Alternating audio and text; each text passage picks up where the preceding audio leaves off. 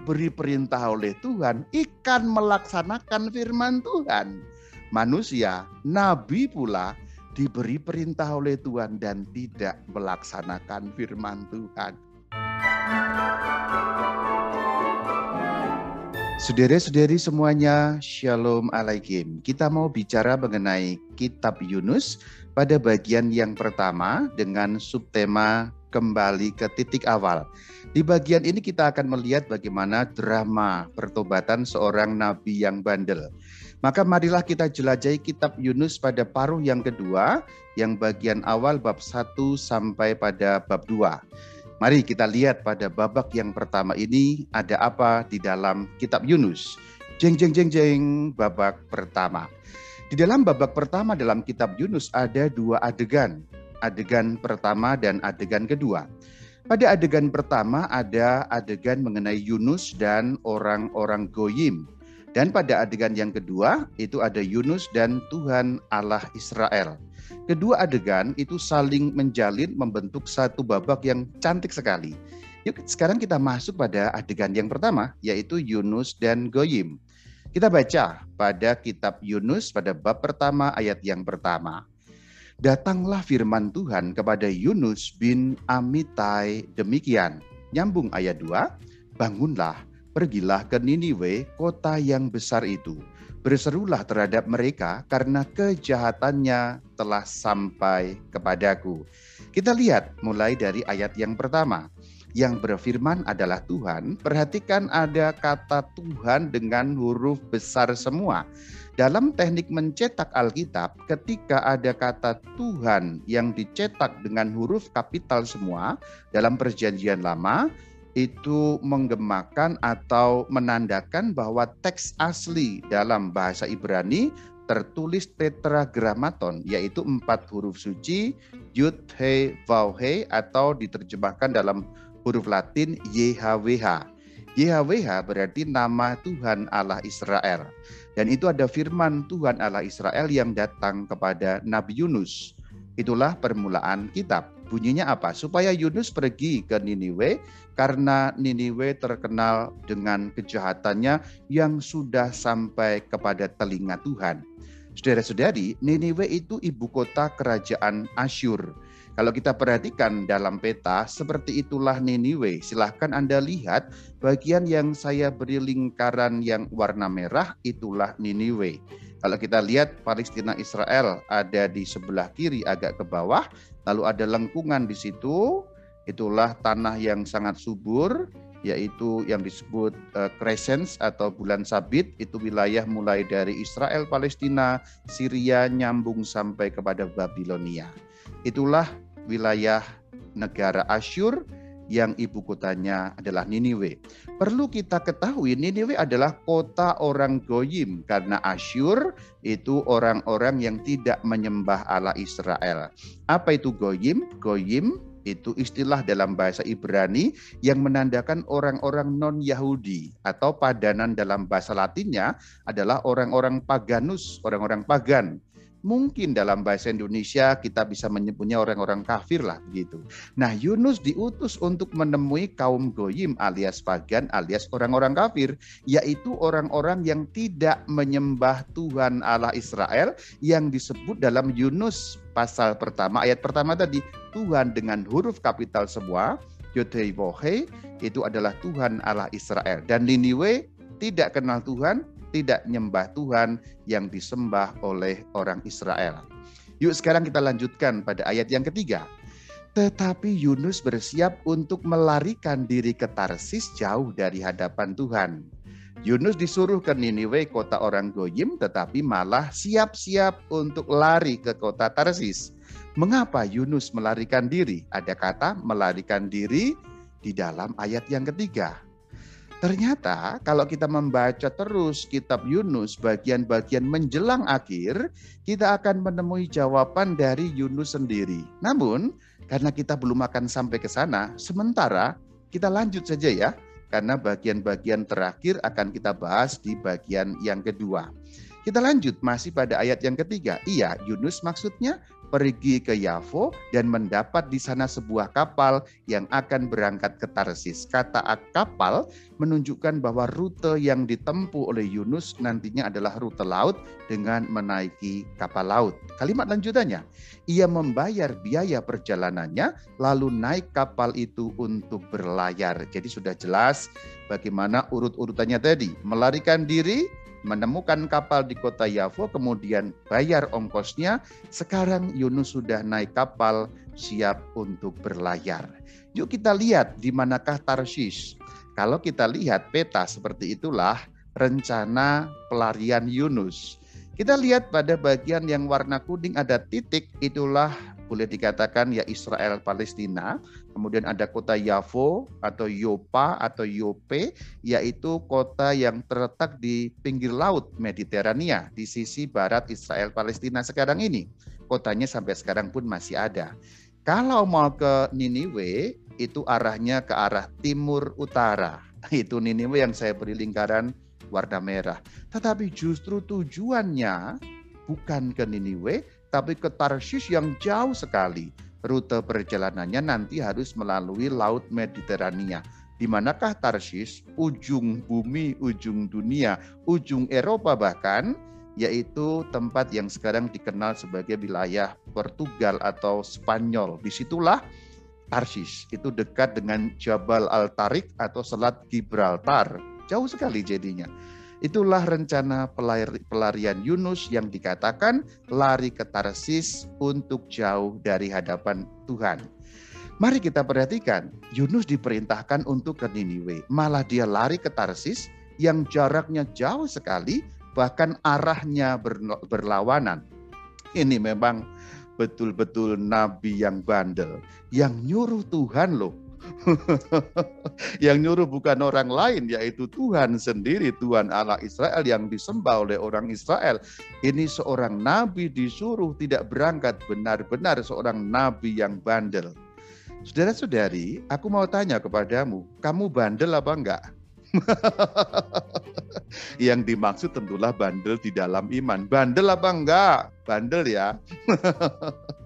Kalau Anda bandel, tampaknya kitab ini dapat menjadi cermin bagi kita yang sering kali bandel-bandel juga di hadapan Tuhan. Maka kalau kita bandel di hadapan Tuhan, bandel dalam iman, kurang beriman, ya kadang-kadang nakal-nakal dalam cara beriman kita, kitab ini bisa menjadi cerminan yang baik bagi kehidupan kita. Jadi Yunus itu kitabnya kaum bandel. Dan juga itu kitab yang bicara mengenai pertobatan. Baik pertobatan orang-orang goyim maupun pertobatan nabi yang bandel itu sendiri. Maka itulah tepat sekali kalau kita bicara mengenai pertobatan, kita bicara dengan kitab Yunus ini. Wahai kaum bandel yang mendengarkan aku. yang ngomong bandel enggak? Ya kayaknya bandel juga. Ya yuk lanjut saja yuk daripada saling membandelkan. Ayat 4. Tetapi Tuhan menurunkan angin ribut ke laut, laut terjadilah badai besar. Sehingga kapal itu hampir-hampir terpukul hancur. Badai besar yang akan menghancurkan kapal bahkan dikatakan hampir hancur. Ini ayat yang sudah cukup jelas. Ayat kelima kita baca. Awak kapal menjadi takut, masing-masing berteriak kepada Allahnya. Mari perhatikan pada ayat yang kelima ini ada kata awak kapal, yaitu para pelaut yang waktu itu mengendalikan kapal sebagai awak. Kemudian ada kata Allahnya atau terjemahan yang lebih lurus ilahnya atau sesembahannya. Jadi bisa diterjemahkan berteriak-teriak kepada ilahnya atau berteriak-teriak kepada sesembahannya. Perhatikan kata masing-masing di situ. Jadi ketika dikatakan awak kapal berseru kepada sesembahannya masing-masing, ini menunjukkan mereka orang-orang goyim, orang-orang kafir yang tidak menyembah Allah Israel. Terbukti dari mereka berteriak dalam arti memohon atau berdoa kepada sembahannya masing-masing. Jadi jelas sekali para pelaut yang menjadi awak kapal bukan orang yang menyembah Tuhan Allah Israel, bahkan mungkin tidak kenal dengan Tuhan Allah Israel. Ayat 5 memberi keterangan kepada kita. Namun ayat 5 belum selesai, masih ada lanjutannya. Tetapi, nah tetapi, kata tetapi ini diperlawankan dengan kalimat sebelumnya. awak kapal berteriak-teriak berarti berdoa mereka. Tetapi ini berarti berlawanan dengan sikap para pelaut. Yunus telah turun ke dalam ruang kapal yang paling bawah tertidur dengan nyenyak. Perhatikan, di situ dalam ayat 5 ada sindiran yang kuat sekali. Goyim versus Israel. Goyim berarti orang-orang yang tidak kenal Tuhan Allah Israel. Ya boleh dikatakan orang-orang yang nggak ngerti Alkitab, orang-orang nggak nggak ngerti Tuhan, nggak nyembah Tuhan. Dilawankan dengan orang Israel yang tahu kitab, tahu Tuhan, tahu Allah yang benar. Kalau ini kita baca sebagai cermin, kita malu di sini. Yang goyim itu berdoa, yang nabi, seorang Israel, nabi lagi. Enggak berdoa malah molor. nabi yang bandel, ini sungguh-sungguh nabi yang bandel. Ayat 6 luar biasa lagi. Perhatikan, datanglah nakoda berarti pemimpin awak kapal, supirnya, kaptennya ya Bagaimana mungkin engkau tidur dengan nyenyak? Ini engkaunya kan Yunus. Bangunlah, berserulah kepada Allahmu. Mari perhatikan kata berserulah kepada Allahmu. Di situ dikatakan, nakoda menyuruh atau mengajari seorang nabi Israel untuk beriman kepada Tuhan. Ini aneh sekali bukan? nakoda, awak kapal yang orang goyim yang tidak beriman kepada Tuhan, ngajari seorang nabi Israel untuk beriman kepada Tuhan, memohon kepada Tuhan. Berserulah kepada Tuhan Allahmu. ini bagaimana kitab ini tuh kitab apa sebenarnya ini? Aneh sekali kalimat-kalimat di dalamnya padahal baru ayat yang ke-6 saudara-saudari. Kalau membaca sampai ayat ke-6 dan Anda sebagai orang yang beriman, yang mengaku menyembah Tuhan tidak tersindir dengan kalimat-kalimat ini. Anda mungkin kurang peka. Ayat-ayat sampai ayat ke-6 ini banyak sekali sindirannya. Karena apa? Karena itu kan seperti menyindir kita. Orang-orang yang mengaku beriman ini seperti mengatakan, tuh lihat tuh, Goyim lebih beriman loh. Tuh lihat orang yang kamu bilang orang kafir, mereka lebih beriman daripada kamu yang mengaku beriman. Sungguh-sungguh ini kitab yang satir sekali. Kitab yang satir yang penuh dengan sindiran-sindiran. Saya juga merasa tersindir ya. Jadi baiknya kita lanjut apa berhenti karena sindirannya begitu tajam kitab ini.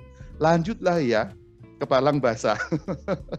Ayat 7 mereka membuang undi dan Yunuslah yang kena undi. Jelas dibuang undi, kemudian mereka yang membuang undi. Tentu ini cara orang pada zaman itu biasanya ada undian-undian tertentu untuk boleh dikatakan langit bicara apa, Allah bicara apa, sesembahan yang di atas dewa-dewa bicara apa dengan cara undian. Lalu Yunus kena undi, di situ menandakan ada sesuatu dengan Yunus. Kemudian dikatakan pada ayat 8, berkatalah mereka kepadanya, beritahukan kepada kami karena siapa kita ditimpa oleh malapetaka ini. Maka dikatakan jelas sekali mereka memaksa Yunus jujur, ada apa dengan kamu? Apa yang membuat kita ditimpa malapetaka ini? Ini cara berpikir orang pada zaman kuno bahwa orang harus menjelaskan kenapa, apa, latar belakangnya, kamu berbuat apa sehingga murka langit atau murka dewa-dewa, tentu pemahaman orang pada zaman itu seperti itu menimpa mereka. Lalu dikatakan pada ayat yang ke-9, sahutnya kepada mereka, sahut Yunus kepada awak kapal, termasuk juga nakoda tadi. Aku seorang Ibrani, Aku takut akan Tuhan yang empunya langit, yang telah menjadikan lautan dan daratan. Perhatikan ayat 9. Lagaknya luar biasa. Nabi yang bandel ini lagaknya luar biasa di depan orang. Aku seorang Ibrani. Perhatikan bagaimana kata-katanya itu penuh seperti penuh dengan kebanggaan gitu loh. Aku seorang Ibrani, aku takut akan Tuhan. Maksudnya takut akan Tuhan, aku beriman kepada Tuhan. Dan Tuhannya itu Yud Hevahwe Yahweh Allah Israel. Aku seorang yang menyembah Tuhan dengan benar loh. Kira-kira begitu. Perhatikan bagaimana kebohongannya besar sekali. Baru saja diceritakan dia lari jauh dari hadapan Tuhan. Sekarang berani-beraninya mengatakan aku takut akan Tuhan. Sebagai pembaca kita tahu Nabi ini ngibul di depan awak kapal ya. Dikatakan Allah yang empunya langit yang telah menjadikan lautan dan daratan. Dikatakan Allahku itu, Allah Israel sembahannya Yunus maksudnya, dia yang punya langit, bumi semuanya karena beliaulah yang menciptakan. Kira-kira begitu yang disampaikan kepada orang-orang awak kapal tadi. Lagi-lagi ayat 9 ini bicara mengenai sindiran sesuatu yang penuh dengan satir, satiris lagi di situ. Apalagi kalau kita lihat kembali ayat 9 dalam kaitan dengan ayat 3. Yuk kita lihat ya, ayat 9. Tuhan Allah menjadikan lautan dan daratan. Ini perkataan Yunus.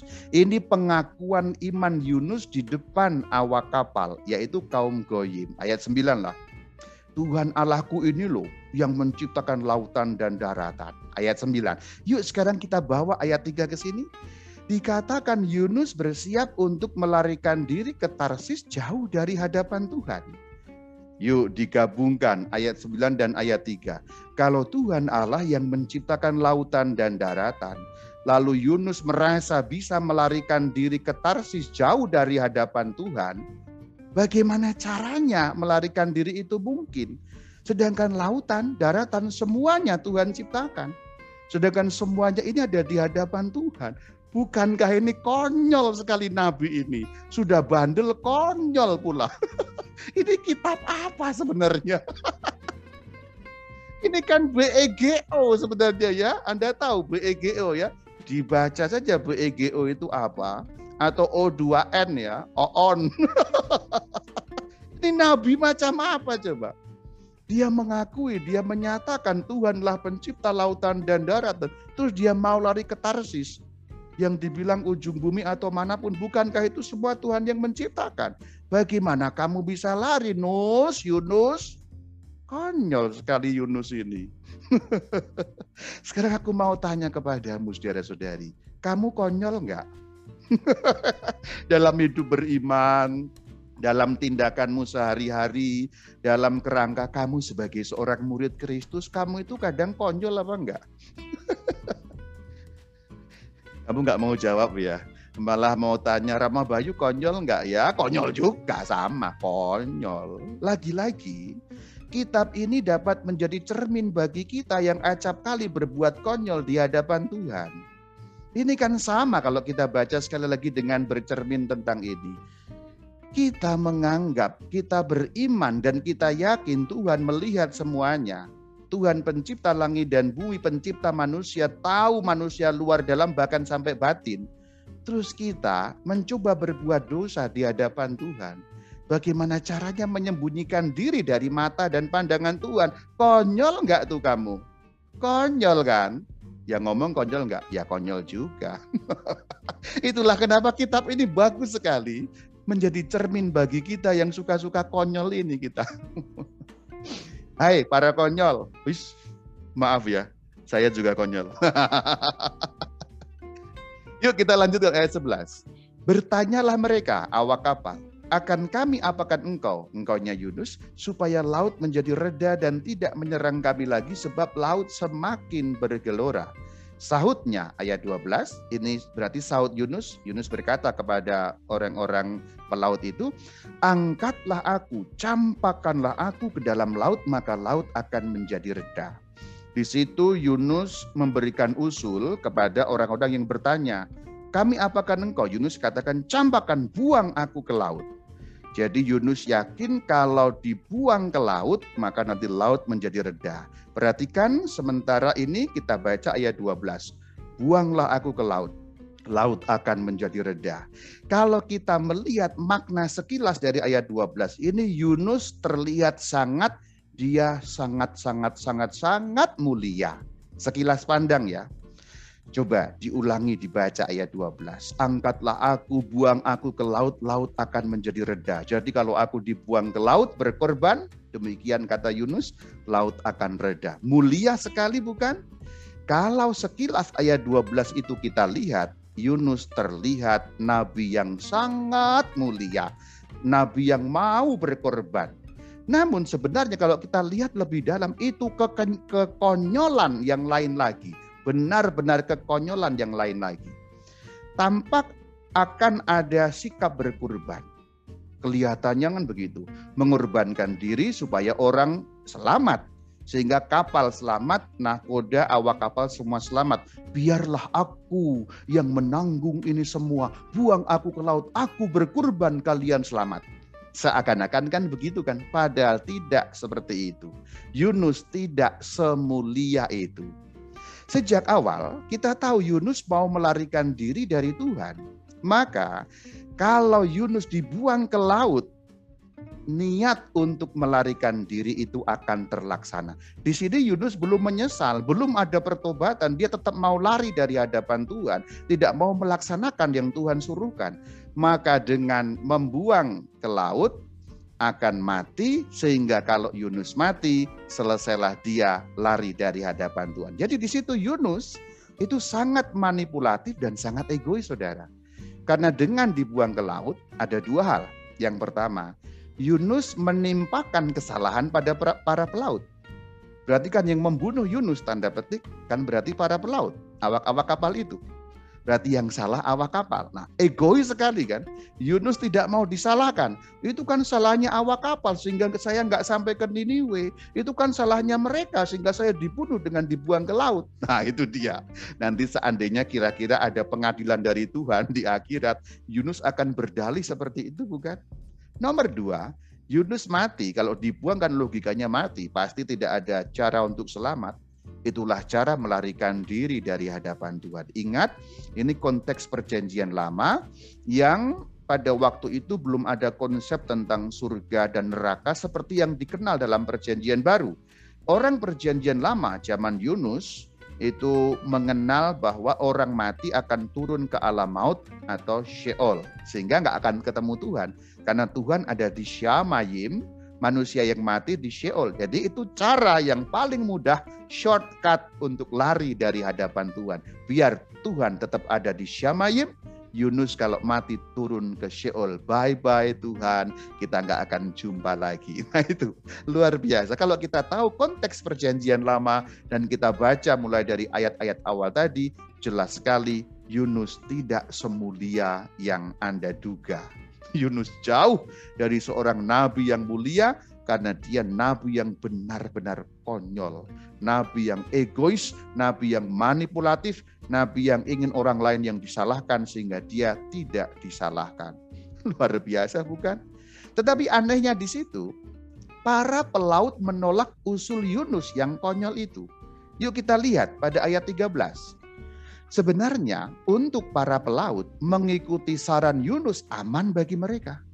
Lagi pula kan mereka juga nggak kenal Yunus, mereka kan orang-orang goyim para pelaut, mungkin mereka orang-orang Tarsis, orang-orang jauh itu. Kalau membuang Yunus yang tidak mereka kenal, apa susahnya? Tapi di situ kita bisa mengimajinasikannya. Dalam teks memang tidak ada, tapi dengan menolak untuk membuang Yunus, mereka merasa satu nyawa ini pun berharga. Kalau kita selamat harus selamat bersama-sama. Jangan sampai mengorbankan satu orang demi keselamatan ke, untuk kita saja. Kira-kira demikian pemikiran para pelaut yang menolak usul yang sangat konyol itu. Ini jelas dalam ayat ke-13. Yuk kita baca. Berdayunglah orang-orang itu dengan sekuat tenaga untuk membawa kapal itu kembali ke darat. Tetapi mereka tidak sanggup laut semakin bergelora menyerang mereka. Berdayunglah artinya mereka berusaha untuk membawa kapal ke darat supaya tidak harus membunuh Yunus dengan cara membuang ke laut. Ini penolakan sesungguhnya. Kira-kira kalimatnya dapat kita uraikan dengan mengimajinasikannya Mungkin para pelaut ngaco lu, ngawur lu. Nah kira-kira begitu. Ngapain? Harus mengorbankan kamu gimana? Enggak, enggak, enggak. Kita selamat bareng-bareng. Yuk kita berusaha. Lalu mereka berdayung. Mungkin kalau kita kalimatkan para frase seperti itu jadinya. Pendek kata, usul konyol ditolak oleh para pelaut. Lagi-lagi cermin bagi kita bukan nabinya konyol, para pelaut goyim luar biasa. Mereka tidak mau mengorbankan bahkan satu orang pun demi keselamatan mereka sendiri. Dahsyat sekali kan? Kitab apa kitab Yunus ini? Yuk kita baca sekarang lanjutannya pada ayat yang ke-14. Lalu berselulah mereka, mereka berarti para goyim tadi, kepada Tuhan. Nah di sini rupanya kemudian mereka mengerti dan mengenal Tuhan. Karena dikatakan, berserulah mereka kepada Tuhan. Ya Tuhan, ingat penjelasanku pada bagian awal yang menjelaskan bab 1 ayat 1 tadi. Tuhan, huruf kapital semua, YHWH, Tuhan Allah Israel. Ya Tuhan, kata orang-orang Goyim itu, janganlah engkau tanggungkan kepada kami darah orang yang tidak bersalah dan seterusnya dan seterusnya. Anda lihat perubahannya? Anda lihat gak perubahannya? Awak kapal atau para pelaut tadi mengalami perubahan dalam hal berseru. Kalau Anda belum melihat perubahannya, aku akan tunjukkan ayat 5 dibandingkan dengan ayat 14 supaya engkau dapat melihatnya. Kembali kepada ayat 5 awak kapal berteriak-teriak kepada ilahnya, sesembahannya masing-masing, dewa-dewinya. Berarti pada ayat kelima, goyim-goyim itu berdoa kepada dewa-dewinya. Ayat 14 ada perubahan. Berserulah mereka awak kapal itu kepada Tuhan. Jadi ayat 5 mereka berdoa kepada dewa-dewanya. Ayat 14 mereka berdoa kepada Allah Israel. Ingat ya Tuhan huruf besar semua YHWH Yud Tuhan Allah Israel. Di sini kita dapat membuat suatu penafsiran. Ternyata para awak kapal kaum Goyim itu bertobat. Yang tadinya tidak berdoa kepada Allah Israel. Sekarang berdoa, beriman kepada Allah Israel. Gokil kan? Gokil kan, waduh. Rama bisa ngomong gokil juga ya bisa ya. Gila kan? Satir banget loh ini, satir banget, asli satir banget. Orang-orang yang nggak beriman kepada Tuhan sekarang beriman kepada Tuhan dan nabinya yang mengaku beriman tetap konyol gitu. Jadi kalau kita membaca kitab Yunus baris demi baris, ayat demi ayat, ini nggak sekedar cerita bina iman anak saudara-saudari. Mungkin Anda membayangkan selama ini kitab Yunus hanya cerita bina iman anak yang cuma begitu-begitu saja. Oh no, no, no, Anda salah besar. Kitab Yunus ditulis sangat singkat. Bahkan hanya empat ayat, uh, sorry, hanya empat bab dalam kitab Yunus itu. Tetapi kalimat demi kalimat dalam tiap-tiap ayat begitu kuatnya boleh dikatakan hampir tidak ada ayat yang tidak berguna atau hanya pemanis belaka. Semua ayat mengandung makna yang mendalam. Barusan kita sudah lihat ya, gilanya. Orang-orang bertobat dan Yunus tetap tidak bertobat juga. Yuk kita lanjutkan ayat 15. Kemudian mereka mengangkat Yunus lalu mencampakkannya ke dalam laut dan laut berhenti mengamuk. Akhirnya mereka melemparkan Yunus ke laut, tetapi sudah memohon pengampunan kepada Tuhan yang terjadi di ayat 14 tadi itu. Tuhan, Tuhan Allah Israel, ya begitu ya. Jangan engkau salahkan kami, kira-kira begitu. Jangan engkau anggap kami berdosa karena kami membuang orang ini karena dia sendiri juga yang menyuruh. Semoga kami semua selamat. Orang ini entah bagaimana jangan sampai engkau menyalahkan kami kepada kami semua dan keturunan kami tentu kalau pemikiran orang zaman dulu seperti itu. Perhatikan ayat 15, laut berhenti mengamuk. Kemudian ayat 17, maka atas penentuan Tuhan datanglah seekor ikan besar yang menelan Yunus. Ada tokoh baru yaitu ikan besar. Ayat lanjutannya, dan Yunus tinggal di dalam perut ikan itu tiga hari tiga malam lamanya.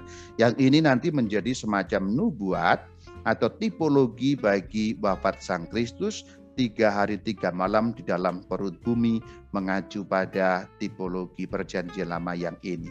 Jadi dikatakan ada ikan, Yunus kemudian dimakan ikan itu dalam arti ditelan lalu tinggal di dalam perut ikan itu tiga hari tiga, tiga malam lamanya. Itu gambar kartunnya seperti itu. Saya sengaja pilih kartun karena biasanya orang menganggap kitab Yunus itu kitab kartun atau kitab bina iman anak. Padahal tidak demikian bukan kalau kita sudah mengupasnya adegan pertama selesai. Tadi ingat adegan pertama tadi apa judulnya? Yunus dan Goyim. Skornya berapa? 1-0.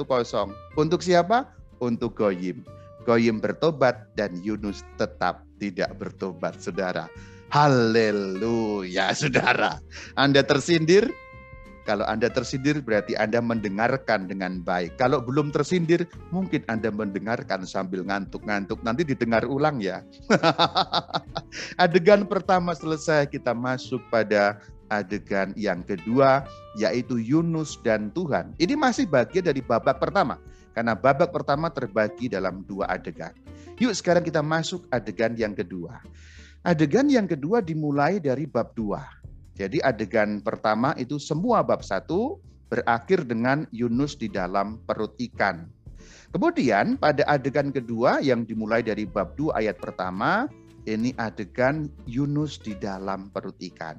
Perhatikan, berdoalah Yunus kepada Tuhan Allahnya dari dalam perut ikan itu katanya. Perhatikan ada kata Tuhan Allahnya. Nah sekarang ingat dia, sekarang berdoa. Ingat di bagian-bagian tadi, para goyim sudah menyuruh dia berdoa. Bagaimana mungkin kamu nggak berdoa? Kata si nahkoda tadi, berdoalah gitu. Dan tetap Yunus nggak berdoa. Nah sekarang dia baru ingat dia ayat pertama pada bab 2 ini. Berdoalah Yunus. Yunus berdoa sekarang. Nah begitu susah berdoa saja. Hai kaum bandel, kamu begitu enggak? Rama ini dari tadi kaum bandel, kaum bandel. Memang Rama enggak bandel ya? Saya bandel juga sih. Kayaknya gitu juga sih ya. Nah ayat kedua dan seterusnya dari bab dua ini adalah isinya doa Yunus. Nanti Anda boleh baca sendiri deh. Sekarang kita lewatkan saja ya bagian doanya ya. Kita mungkin lain kali bisa kita bahas doa Yunus seperti apa. Nanti Anda juga boleh baca sendiri. Tapi sekarang kita lompat saja dari ayat pertama, dua, tiga, terus kita lewatkan isi doanya langsung pada penutup adegan kedua sekaligus penutup babak pertama yaitu pada ayat yang ke-10 dari pasal yang kedua. Di sinilah berhenti babak pertama sekaligus adegan kedua dari babak pertama ini. Yuk kita baca. Lalu berfirmanlah Tuhan kepada ikan itu, dan ikan itu pun memuntahkan Yunus ke darat. Perhatikan kata darat di situ. Berarti ini adegan yang menceritakan Yunus sudah tiga hari tiga malam berada di dalam perut ikan. Sebenarnya adegan Yunus dan Tuhan ini disebut demikian justru karena di sini ada percakapan Meskipun di situ hanya Yunus yang berbicara, tetapi kan diarahkan kepada Tuhan yaitu dalam bentuk doa yang kita lewatkan. Perhatikan kata darat pada ayat yang ke-10. Berarti sekarang Yunus kembali ke darat. Dengan menyebut kata darat berakhirlah babak pertama. Seperti inilah akhirnya. Nah itu wah, yeah, nah, akhirnya Yunus kembali ke darat. Saudara-saudari, adegan kedua selesai, babak pertama selesai. Namun aku mau mengajak saudara-saudari memperhatikan lagi bahwa ada perubahan dari darat ke laut lalu ke darat. Yuk kita uraikan sebentar dan mengingat kejadiannya. Di awal bab 1 Yunus kan ada di darat. Disuruh ke Niniwe yang adalah darat juga. Ke Niniwe nggak perlu lewat laut, tapi dia mencari jalan lain, yaitu lewat laut maka dari darat dia ke laut dengan berbagai adegan yang sudah kita bahas. Akhirnya dia sekarang kembali ke darat lagi. Perhatikan darat ke darat lagi. Itulah restart. Kembali ke titik awal. Maka tema bagian ini kembali ke titik awal menunjukkan babak pertama sesungguhnya diisi dengan adegan Yunus dari darat, bandel, ngeyel, lari, sekarang kembali ke awal mula, yaitu kembali ke darat lagi. Kita tarik suatu refleksi saudara-saudari. Tuhan selalu punya cara untuk mengembalikan kita yang bandel-bandel ini ke titik awal. Kembali ke titik awal, itulah restart. Dalam bahasa rohani itulah pertobatan saudara-saudari. Maka dengan membaca kitab Yunus pada bagian ini saja, kita sudah dapat menarik suatu refleksi bagaimana Tuhan berjuang sekuat tenaga mengembalikan nabinya yang konyol dan bandel itu kembali ke titik awalnya ketika dia mendapatkan firman yang berisi perintah tadi itu. Ini menggambarkan bagaimana pertobatan. Maka saudara-saudari pendengar katkit katekese sedikit ini yang mungkin Anda bandel-bandel, ingat Tuhan selalu punya cara untuk mengembalikan kita ke titik awal. Tugas kita mengikuti supaya kita dapat selalu restart di hadapan Tuhan kembali ke titik awalnya. Namun refleksi belum berakhir, renungannya belum berakhir. Inti dari tafsiran-tafsiran juga belum berakhir. Karena apa? Lagi-lagi di bagian ini kita juga masih disindir. Rama, dari tadi kok kita disindir melulu ya Rama ya? Iya. Aku sebenarnya baca kitab Yunus agak males juga ya. Disindir melulu. Tapi memang dasarnya kitab ini menarik sekali kalau menurut saya tidak ada kitab secantik ini dalam perjanjian lama. Selain kisah mengenai Yusuf dalam perjanjian lama ya, potongan novel Yusuf di kitab kejadian itu cantik juga. Tapi kalau kita atau saya lah paling kurang sudah memilih ini cantik sekali. Apalagi sindirannya Rama. Kita disindir dengan menggunakan tokoh ikan. Yaitu ikan besar yang tadi menelan Yunus. Bagaimana sindirannya Rama? Perhatikan. Yunus 2 ayat 10. Berfirmanlah Tuhan kepada ikan itu, ikan yang menelan tadi. Ikan itu pun memuntahkan Yunus ke darat. Berarti ada firman Tuhan kepada ikan, Berarti ada perintah dari Tuhan kepada ikan. Memang tidak dituliskan firmannya, tetapi kita bisa mengandaikan. Karena hasilnya adalah ikan memuntahkan Yunus ke darat meski tidak dikalimatkan, tapi kita bisa menyimpulkan firman Tuhan kiranya bunyinya demikian, kurang lebihnya. Kan ikan muntahkan sekarang Yunus, nabiku yang konyol itu ke darat. Kalimatnya mungkin tidak persis seperti itu, tapi intinya adalah itu. Kan ikan sekarang muntahkan Yunusku itu ke darat. Kemudian Siap bos, kata ikan. Si ikan melaksanakan perintah Tuhan.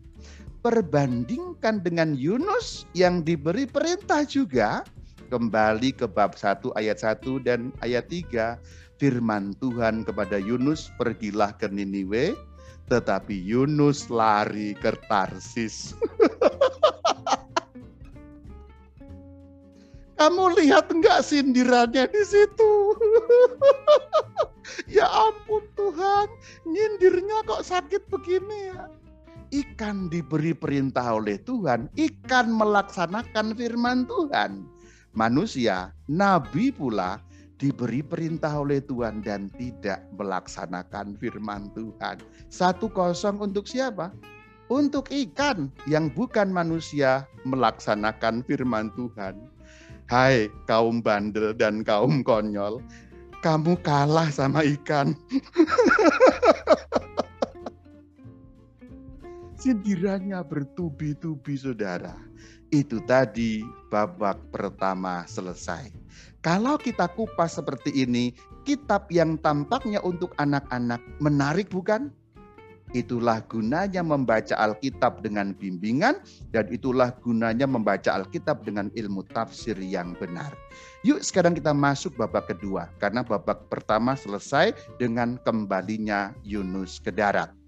Babak yang kedua juga terdiri atas dua adegan. Adegan pertama dan adegan kedua juga. Adegan pertama juga Yunus dan Goyim. Adegan kedua juga Yunus dan Tuhan. Jadi rupanya babak pertama dan kedua itu semacam kopian yang sama. Ada empat adegan yang kedua-duanya saling diulang. Adegan pertama Yunus dan Goyim diulang. Adegan kedua Yunus dan Tuhan juga diulang dalam masing-masing babak. Perhatikan di sini ya, kalau kita lihat polanya kan jadi seperti itu ya. Yunus bab 1, kalau kita baca kitabnya, itu berisi adegan Yunus dan Goyim. Diulang di bab ketiga Yunus dan Goyim lagi. Sementara Yunus pada bab kedua yang isinya adegan Yunus dengan Tuhan diulang pada bab keempat. Jadi polanya seperti itu.